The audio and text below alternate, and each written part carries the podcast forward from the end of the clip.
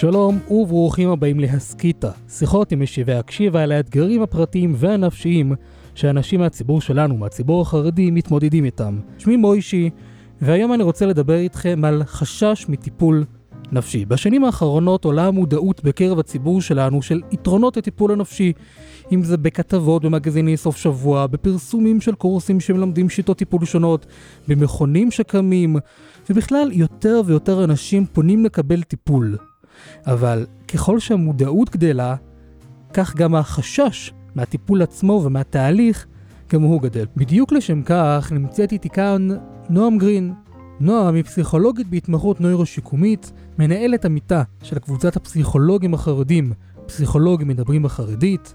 היא גם מפיקת ההסכת נפשות וחסרונן שעוסק בבריאות הנפש בציבור החרדי, שאגב, הפרק הזה הוא בשיתוף פעולה איתו, פודקאסט באמת מצוין, ואנחנו נרחיב עליו מעט יותר לקראת הסוף, וגם בשש השנים האחרונות, נועם משיבה בהקשיבה. שלום נועם. שלום. תודה רבה שבאת, איזה כיף. טוב להיות פה. לפני שבאמת נפנה לנושא עצמו, mm-hmm.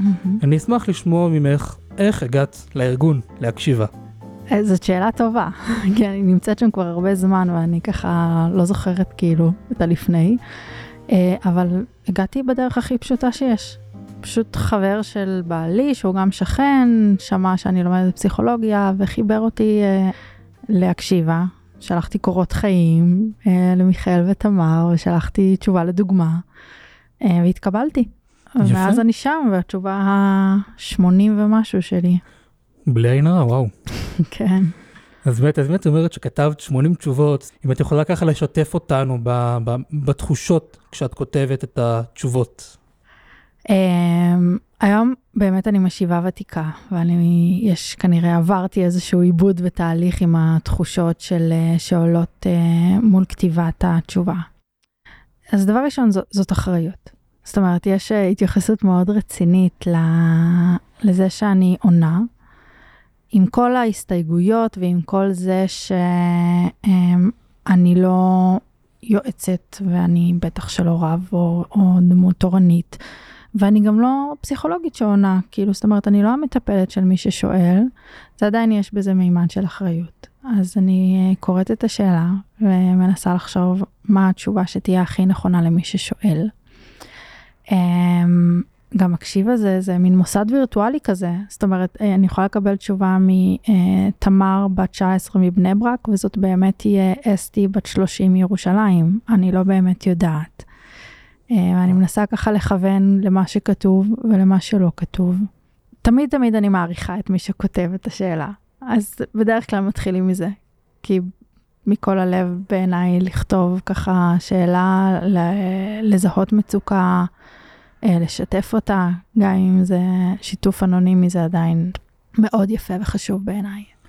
כן, אני גם חושב שגם בהקשיבה, גם יותר ממה שרוצים לתת תשובות, רוצים יותר לתת מקום לשאלות, לתחושה שיש מישהו שמקשיב, ואנחנו אנחנו לא לבד בסיפור הזה.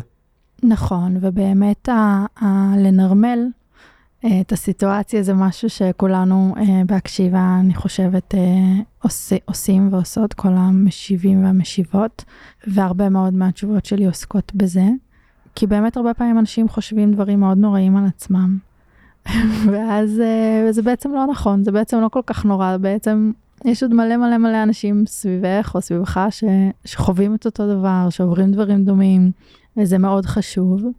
ברוב המקרים אני גם מעודדת ללכת לטיפול כדי לעשות באמת איזשהו, אה, לקחת את האומץ הזה ש, שהביא את האדם לכתוב, להקשיבה, ו, ולהמשיך אותו כבר. כי הרבה פעמים עולים דברים מאוד מאוד משמעותיים, ש, שאי אפשר לפתור אותם בתשובה, אה, גם אם היא של כמה שורות וגם אם היא של שלושה עמודים, שזה אגב לא אורך התשובות שלי. אני לא כותבת תשובות של שלושה עמודים, יבורכו אלה שכן. ובעיניי זה נקודת פתיחה מאוד מאוד טובה להתחיל תהליך. מעניין.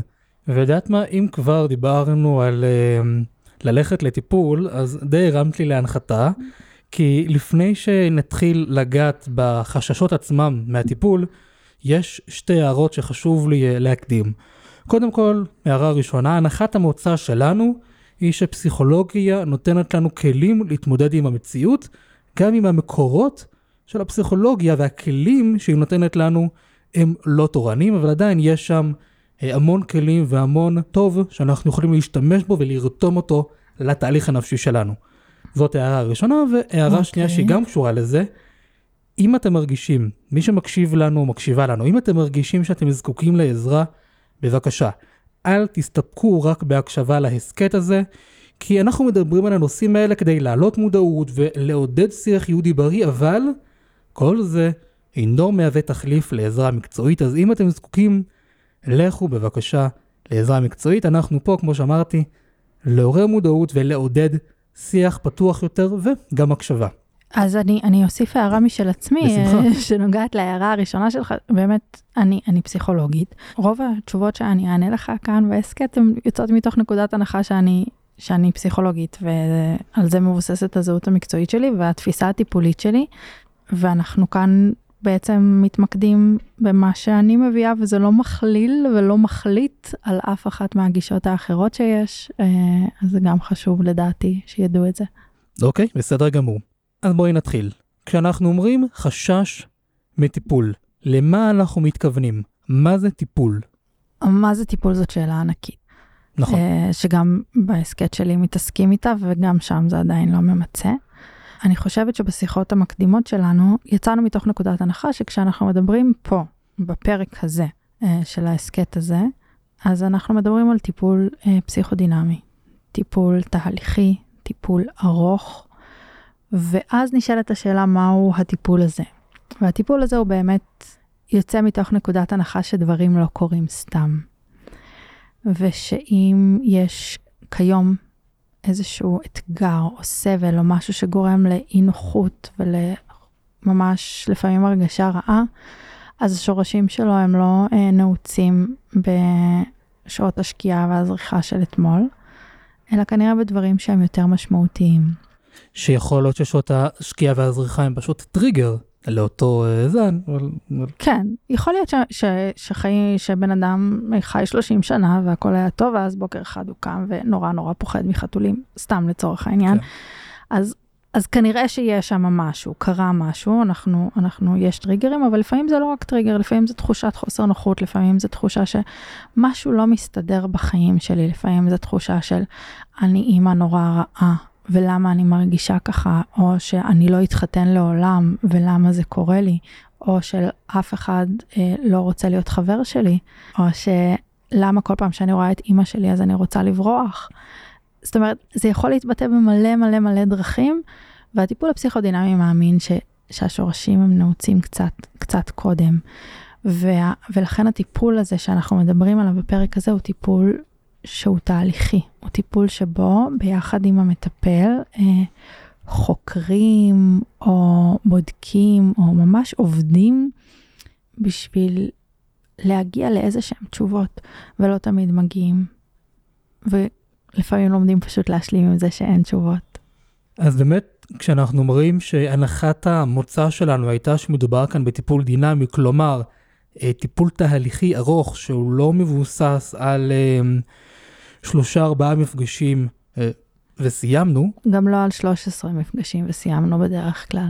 עכשיו, גם למה דווקא זו הייתה הנחת המוצא? כי לפחות אני, מהמקום שבו אני נמצא, אני אומר, ברגע שיש איזשהו תהליך מאוד ארוך, זה משהו שהוא נראה גדול מדי. זאת אומרת, זה, זה לא משהו שאני אומר, אוקיי, אז אני אעבור קורס, אני אעבור אה, אה, 13 פעמים לאותו מקום במשך שעה, והנה סיימתי וגמרתי. לצורך העניין, אם אני עושה הקבלה לעולם התרופות הקונבנציונלי, אני לוקח את האנטיביוטיקה במשך שלושה שבועות, פעם אחת ביום אחרי ארוחת הצהריים, והנה סיימתי. בניגוד לזה, הטיפול הנפשי הארוך, הוא לא משהו שיש לו איזשהו, אה, זאת אומרת, ודאי שיש לו יד, אבל זה לא יד שאפשר לכמת אותו בשלוש פעמים אחרי האוכל.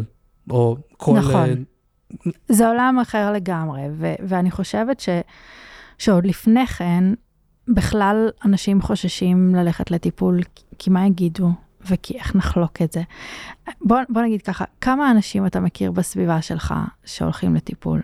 מעודדים, זאת אומרת, אני מכיר אחד, אבל הוא בעצמו מטפל, אז אולי זה קצת לא, לא פייר. אז אמ, אמ, במציאות כנראה שיש לפחות עשרה אה, אנשים שאתה מכיר ומתקשר איתם אחת לשבוע שנמצאים בטיפול. אני אולי מגזימה, אבל זה, זה בערך, יש הרבה יותר אנשים בטיפול ממה שאנחנו חושבים, ואנחנו עדיין, למרות כל ההתפתחות ש, שדיברת עליה בהתחלה, אנחנו עדיין פוחדים לספר את זה, פוחדים לשתף את זה. והחשש הזה הוא, הוא, הוא, הוא מובן. הייתי אומרת שהוא, שהוא רק בקהילה שלנו, אבל הוא לא רק, אבל אצלנו זה יותר חזק. כי טיפול פסיכולוגי או טיפול נפשי אומר שבעצם אולי משהו לא בסדר עם הראש שלך, אולי משהו לא בסדר עם הנפש שלך, ולמה שנודה בדבר כזה? זה כל כך מסוכן, זה כל כך מפחיד, אנחנו לא, לא רוצים לשתף בדבר הזה. כי מה יגידו?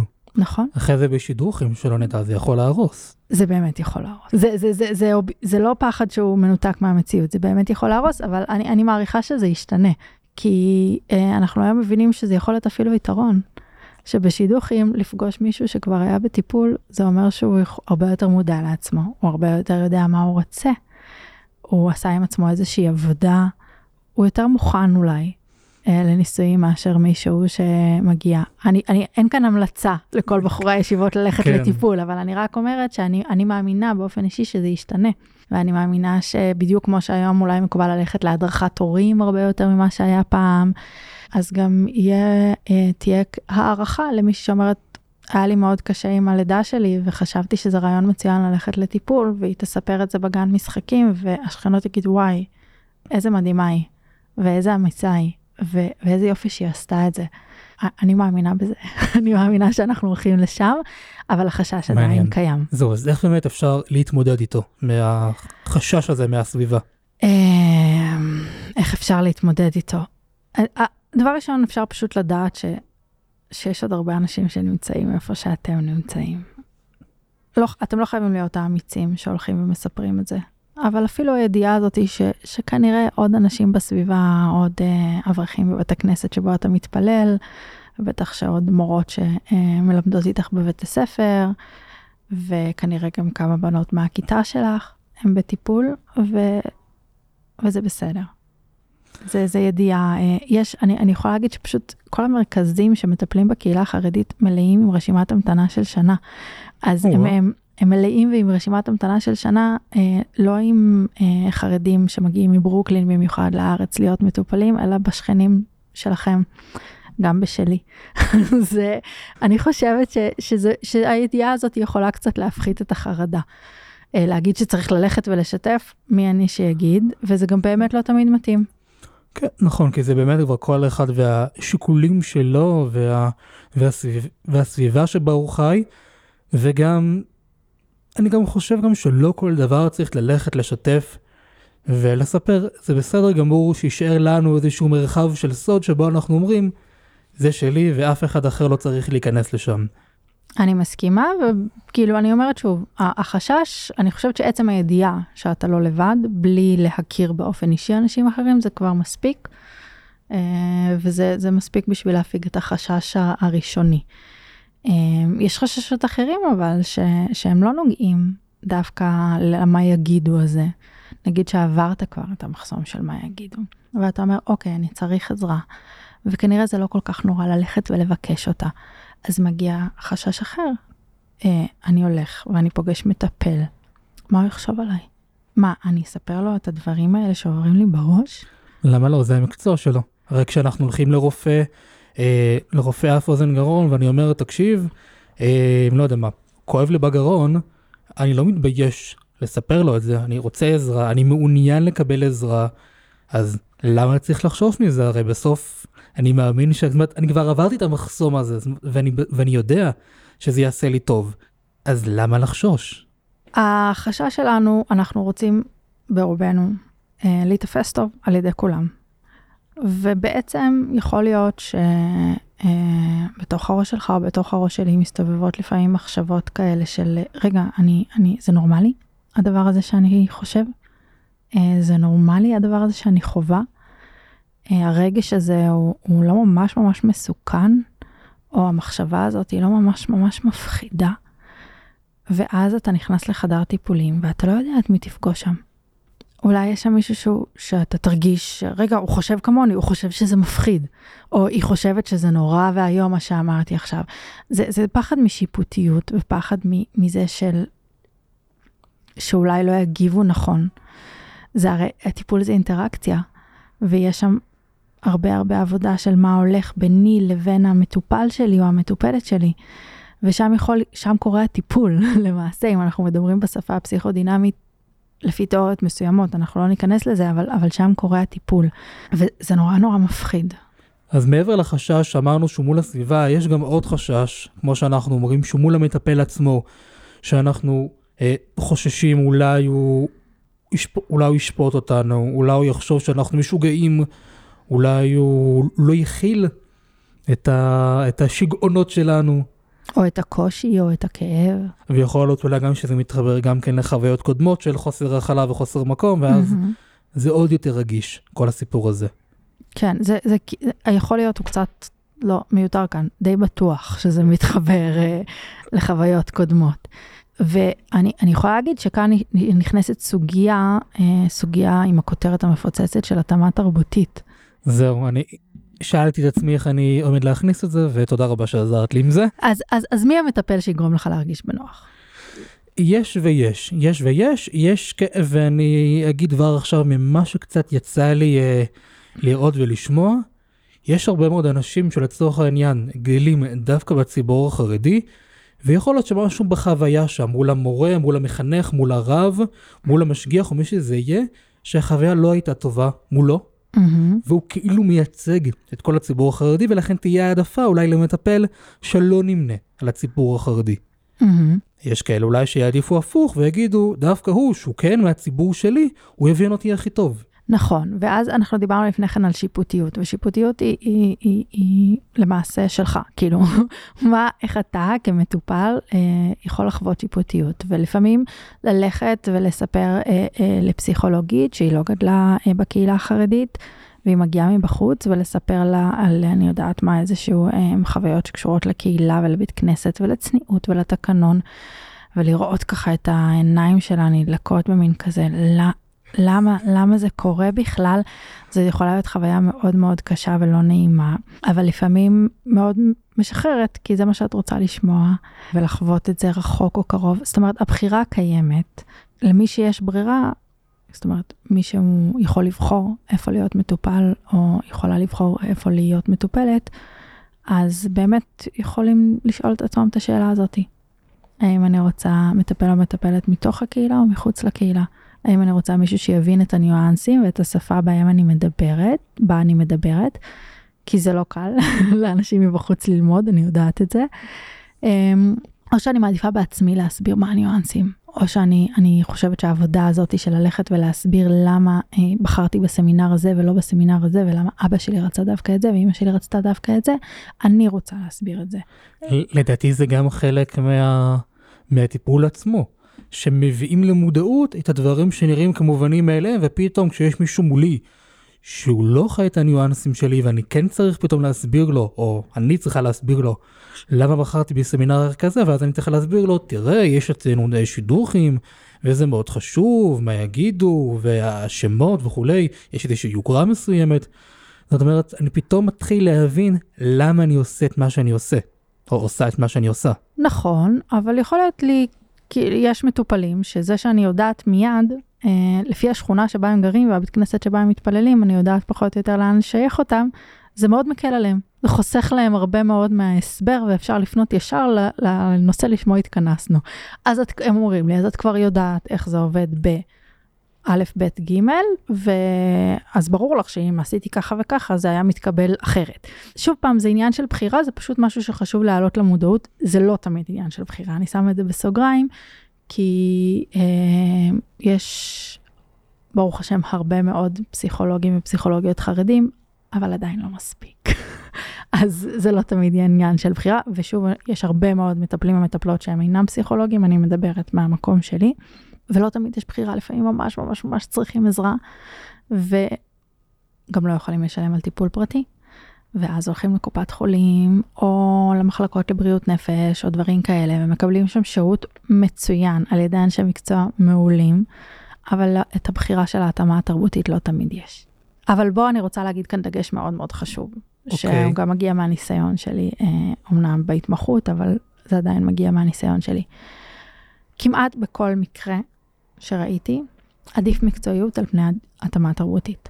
זאת אומרת, okay. הכי אוקיי. טוב זה למצוא מישהו שהוא גם וגם, למי שחפץ בזה, אבל אם יש מישהו שהוא אמנם מהקהילה, והוא מכיר והוא יודע והמליצו עליך, ומישהו, אתה יודע, מהישיבה שלמד איתך פעם, המליץ עליו, אבל הבעיה הספציפית שלך, צריך מישהו שמתמקצע בבעיה הספציפית הזאת, אז לתפיסתי, מקצועיות קודמת אה, להתאמה תרבותית. אני, אני כולי תקווה שקהילת הפסיכולוגים החרדים תלך ותגדל ותתמקצע ויהיו לנו מספיק אנשים בכל תחומי ה, ה, ה, הצורך, נקרא לזה ככה.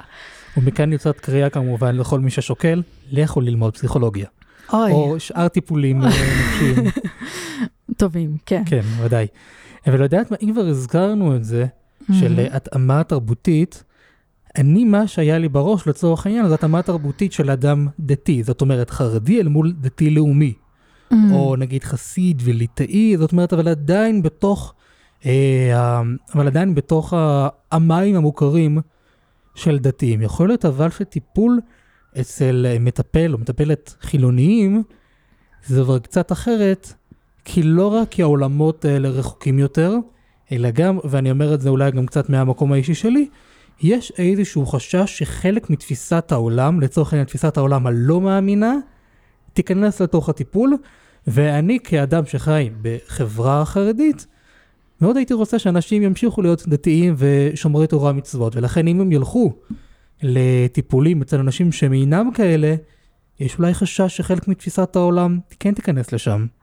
אני מחייכת, כי מה שאתה אומר עכשיו זה מין כזה אה, אה, דעה פופולרית, שהיא לא בהכרח נכונה, כמו רוב הדעות הפופולריות. בשביל זה אה, אנחנו, בשביל זה אנחנו כאן לדבר על זה. אני זוכרת שכשעשיתי מחקר אה, פעם באוניברסיטה על אה, כמה אנשים מהקהילה שמגיעים לאוניברסיטה נשארים חרדים, ואז עלתה לי השאלה של למה אנשים הולכים לאוניברסיטה, יכול להיות שיש חלק שהולכים לאוניברסיטה כדי לא להישאר חרדים, מעניין. אז אנחנו לא באמת יודעים מה הסיבה.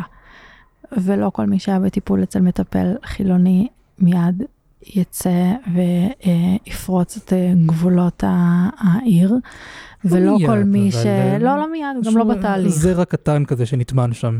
אם, אתה... אם השאלה שלך אם המטפל מביא את עצמו לטיפול, אז כן.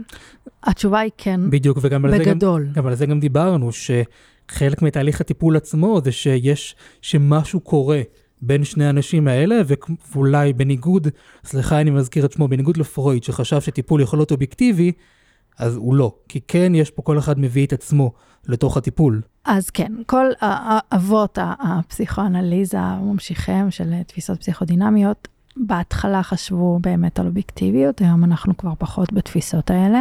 המטפל מביא את עצמו, הוא מביא את מה ש... אבל הוא תמיד יתאמץ לזכור, מטפל טוב, יתאמץ לזכור שהטיפול הוא לא שלו, הטיפול הוא של מי שיושב מולו. ובגלל זה אנחנו לא אמורים להיות שיפוטיים, ואנחנו אמורים להכיל הכל, וזה לא משנה אם יש לנו כיפה על הראש או פאה עד הברכיים, זה כאילו, זה, זה ממש לא רלוונטי השאלות האלה. אני לא אומרת שאין לזה משמעות, אבל אני אומרת שמטפל טוב אה, יכול להתמודד עם זה. אני, אני, שוב, אני בעד ה, ה, שקהילת הפסיכולוגים החרדיים תגדל ותיתן מענה, ואני בעד שגם מי שמקשיב לנו ואומר, אה, אני חושב שהייתי מעדיף לשמור מרחק קצת, זה לא ימנע ממנו ללכת לטיפול, זה בסדר. טוב, ועכשיו הייתי רוצה ברשותך לקחת אותך לאיזשהו חשש שהוא עוד יותר עמוק.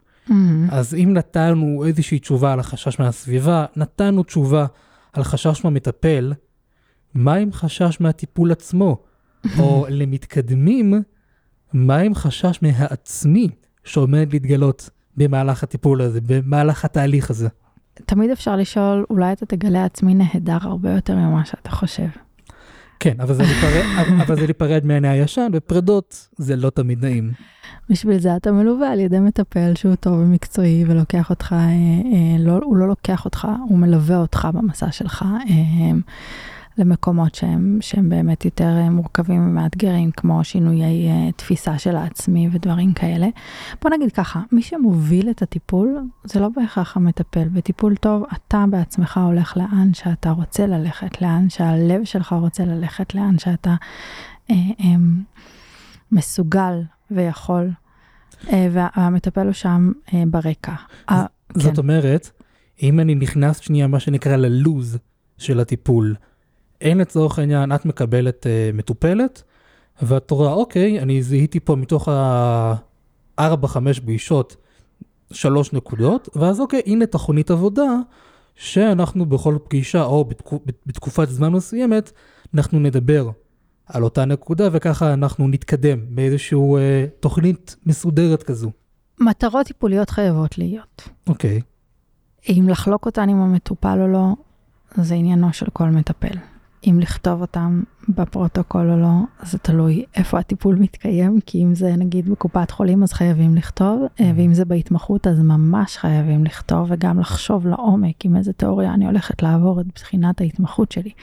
אבל אה, אם יש איזשהו פרוטוקול כזה, של אנחנו מגדירים ביחד מטרה טיפולית ואנחנו הולכים איתה, אז דבר ראשון זה הכי הכי רחוק מטיפול פסיכודינמי אה, כמו שהוא היה. זאת אומרת, אני חושבת שאם היית אומר עכשיו לפרויד, אה, בוא נשב פה לקפה ונדבר על המטרות הטיפוליות, יכול להיות שהוא כאילו היה מסתובב והולך, אני לא יודעת, אני לא יודעת מספיק בשביל להגיד לך, אבל להרגשתי זה לא, זה לא בדיוק הולך עם פסיכואנליזה. אה, שמדברת ככה על, על אסוציאציות ועל אה, איזשהו מה שעולה לך לראש, ועם זה עובדים ופרשנות וככה, אני אומרת עכשיו מלא מלא מלא מושגים, אבל רק בשביל להבהיר שבדרך כלל זה לא עובד ככה בטיפול פסיכודינמי. אנחנו הרבה פעמים מגיעים עם כאב, ובסוף אנחנו נגלה שמדובר פה בכאב אחר לגמרי. אנחנו הרבה פעמים מגיעים עם שאלה והתשובה שאנחנו נקבל בטיפול תיקח אותנו לשאלה אחרת גדולה יותר.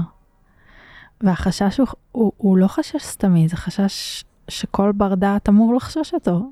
זה לא קל ללכת ולפתוח ולחפור ולגלות בעצמך כל מיני דברים. במיוחד אם אתה יודע ש, שיש מה לגלות. אז אה, זה לא, זה לא פשוט. אני מאמינה בזה, זה המקצוע שלי, אני מאמינה בזה שזה מצמיח ומגדל עוזר לנו להיות uh, אנחנו טובים יותר, והרבה פעמים גם עוזר לנו להרגיש טוב יותר במובן הכי פשוט של זה. אם לפני כן הייתי הולכת עם תיק מלא אבנים על הגב, אז עכשיו יש בו לפחות uh, פחות חצי מהאבנים, אפשר לקוות.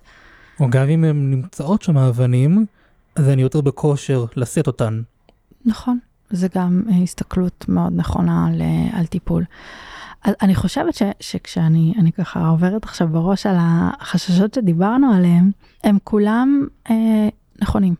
זאת אומרת, אין שום חשש שדיברנו עליו שהוא, שאני יכולה להגיד, מה, אין ממה לחשוש מזה. כי יש, אבל מבחינתי האמירה היא שיש את החששות, אבל הם לא צריכים למנוע מכם ללכת לטיפול. ושמטפל ומטפלת טובים מספיק אמורים להצליח להחזיק אותם ולעבור איתכם ביחד את, ה... את כל התהליך הזה. יודעת מה, אבל אני חושב שיש כאן גם עוד נקודה שהזכרתי אותה גם מקודם, שאנחנו רוצים פתרון מיידי. זאת אומרת, זה כואב, זה לא קל, ואני רוצה שהכאב הזה יחלוף כמה שיותר מהר כדי שאני אוכל להמשיך להתקדם למטרה הבאה שלי בחיים. אז אל תלכי לטיפול פסיכודינמי. אוקיי. זה פשוט לא, זה לא מיידי. שוב פעם, מה זה מיידי? מיידי ב, ב, מתוך, אני יודעת, בעזרת השם, 80 שנות חיים, אז שנה להיות בטיפול זה, זה סופר מיידי. Uh, ולפעמים זה יותר משנה, אני, אני לא אכחיש.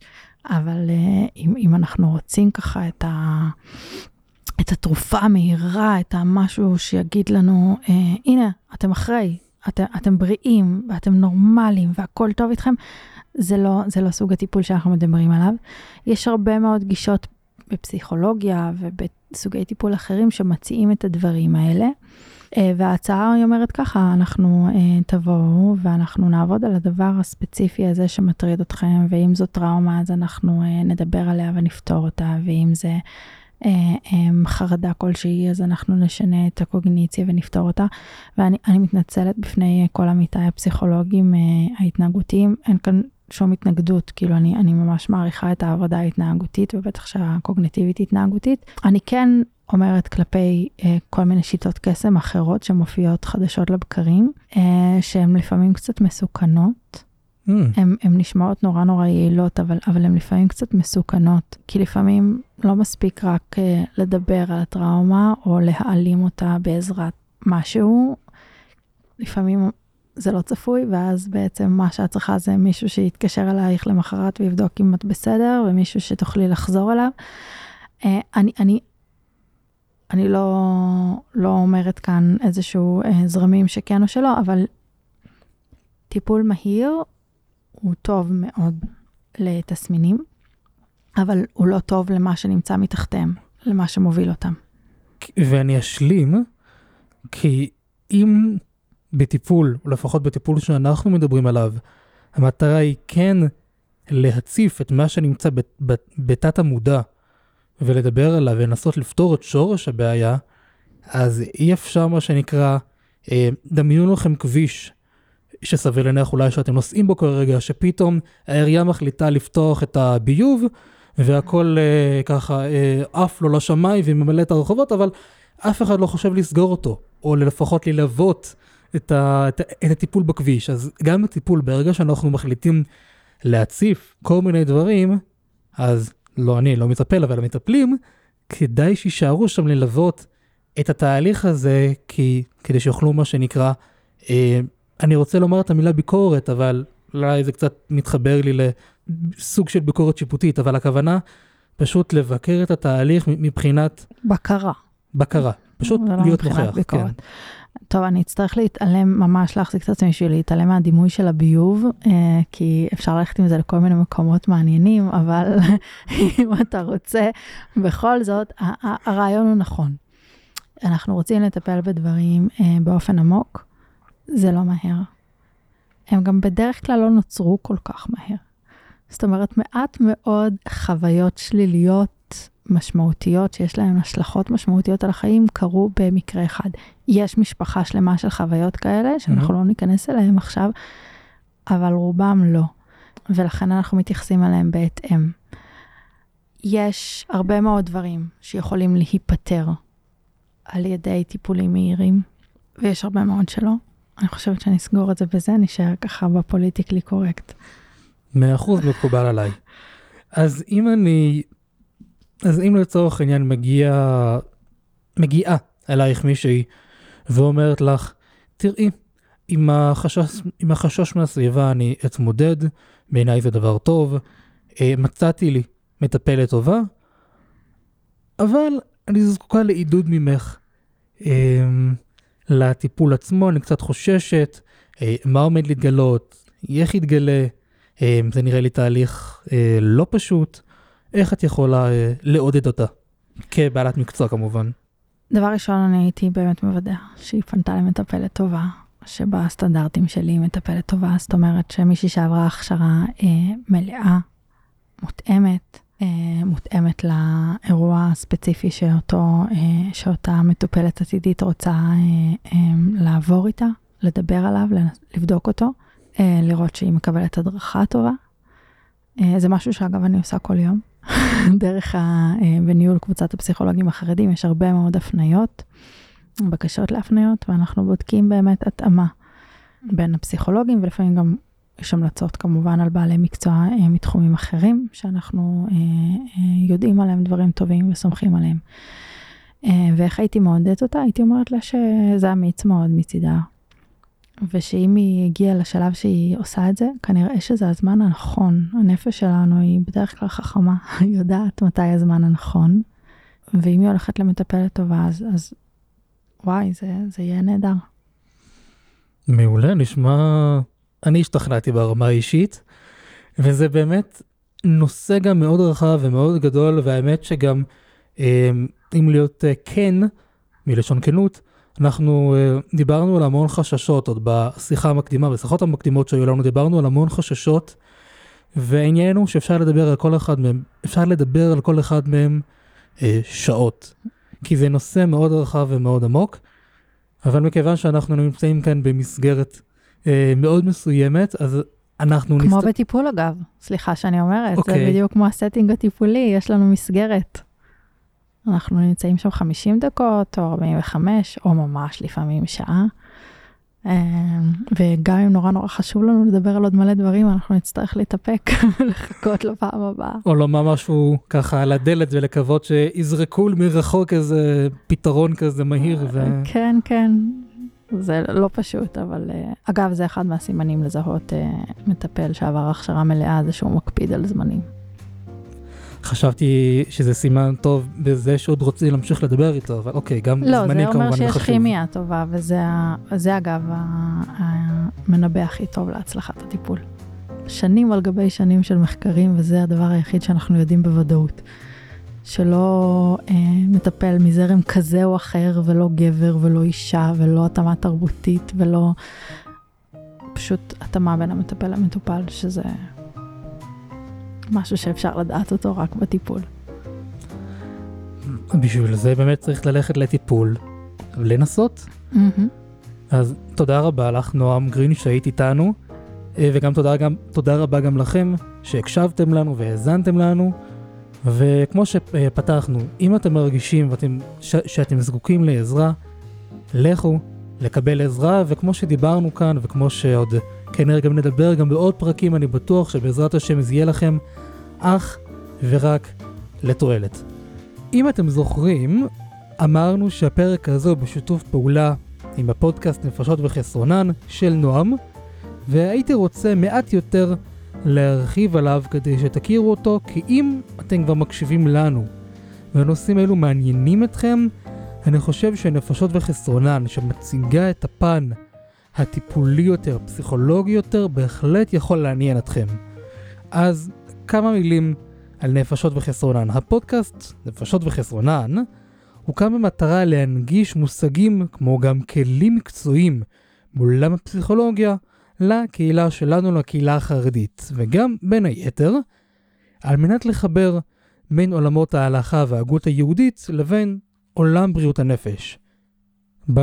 בשיחות שנועם הקליטה ובפרקים שכבר עכשיו נמצאים באוויר, תוכלו למצוא שיחות עם אנשי מקצוע מתחום בריאות הנפש, כמו גם שיחות עם רבנים, עם פוסקי ההלכה, ותוכלו למצוא שם תשובות לשאלות כמו מהו טיפול פסיכולוגי, אם יש מקורות ביהדות שעוסקים בהפרעות נפש, או מה מאפיין OCD, כלומר הפרעה אובססיבית קומפלוסיבית, איך מטפלים בטראומה, איך מתמודדים עם הטראומה של אסון מירון, ועוד הרבה תשובות והרבה שאלות. אז ככה שאני מזמין אתכם בחום להאזין לפודקאסט הזה שזמין גם באתר של נועם גרין, שזה נועם גרין co.il, גם בפלטפורמות הפודקאסטים המוכרות לנו, וגם בעמוד נפשות וחסרונן, בשרת אנקור, אנחנו נשים בעזרת השם קישור לכל אלו בתיאור הפרק הזה. תודה רבה גם לרב מיכאל נחטריילר ואשתו תמר, גם כמובן לבנימין לוין על כל הליווי, ההכוונה והעזרה.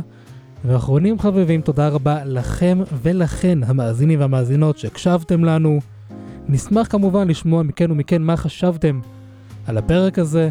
ניתן להקשיב לכל שאר פרקי ההסכת בשלל הפלטפורמות הייעודיות לכך. אני הייתי מוישי וניפגש בעזרת השם בפרקים הבאים.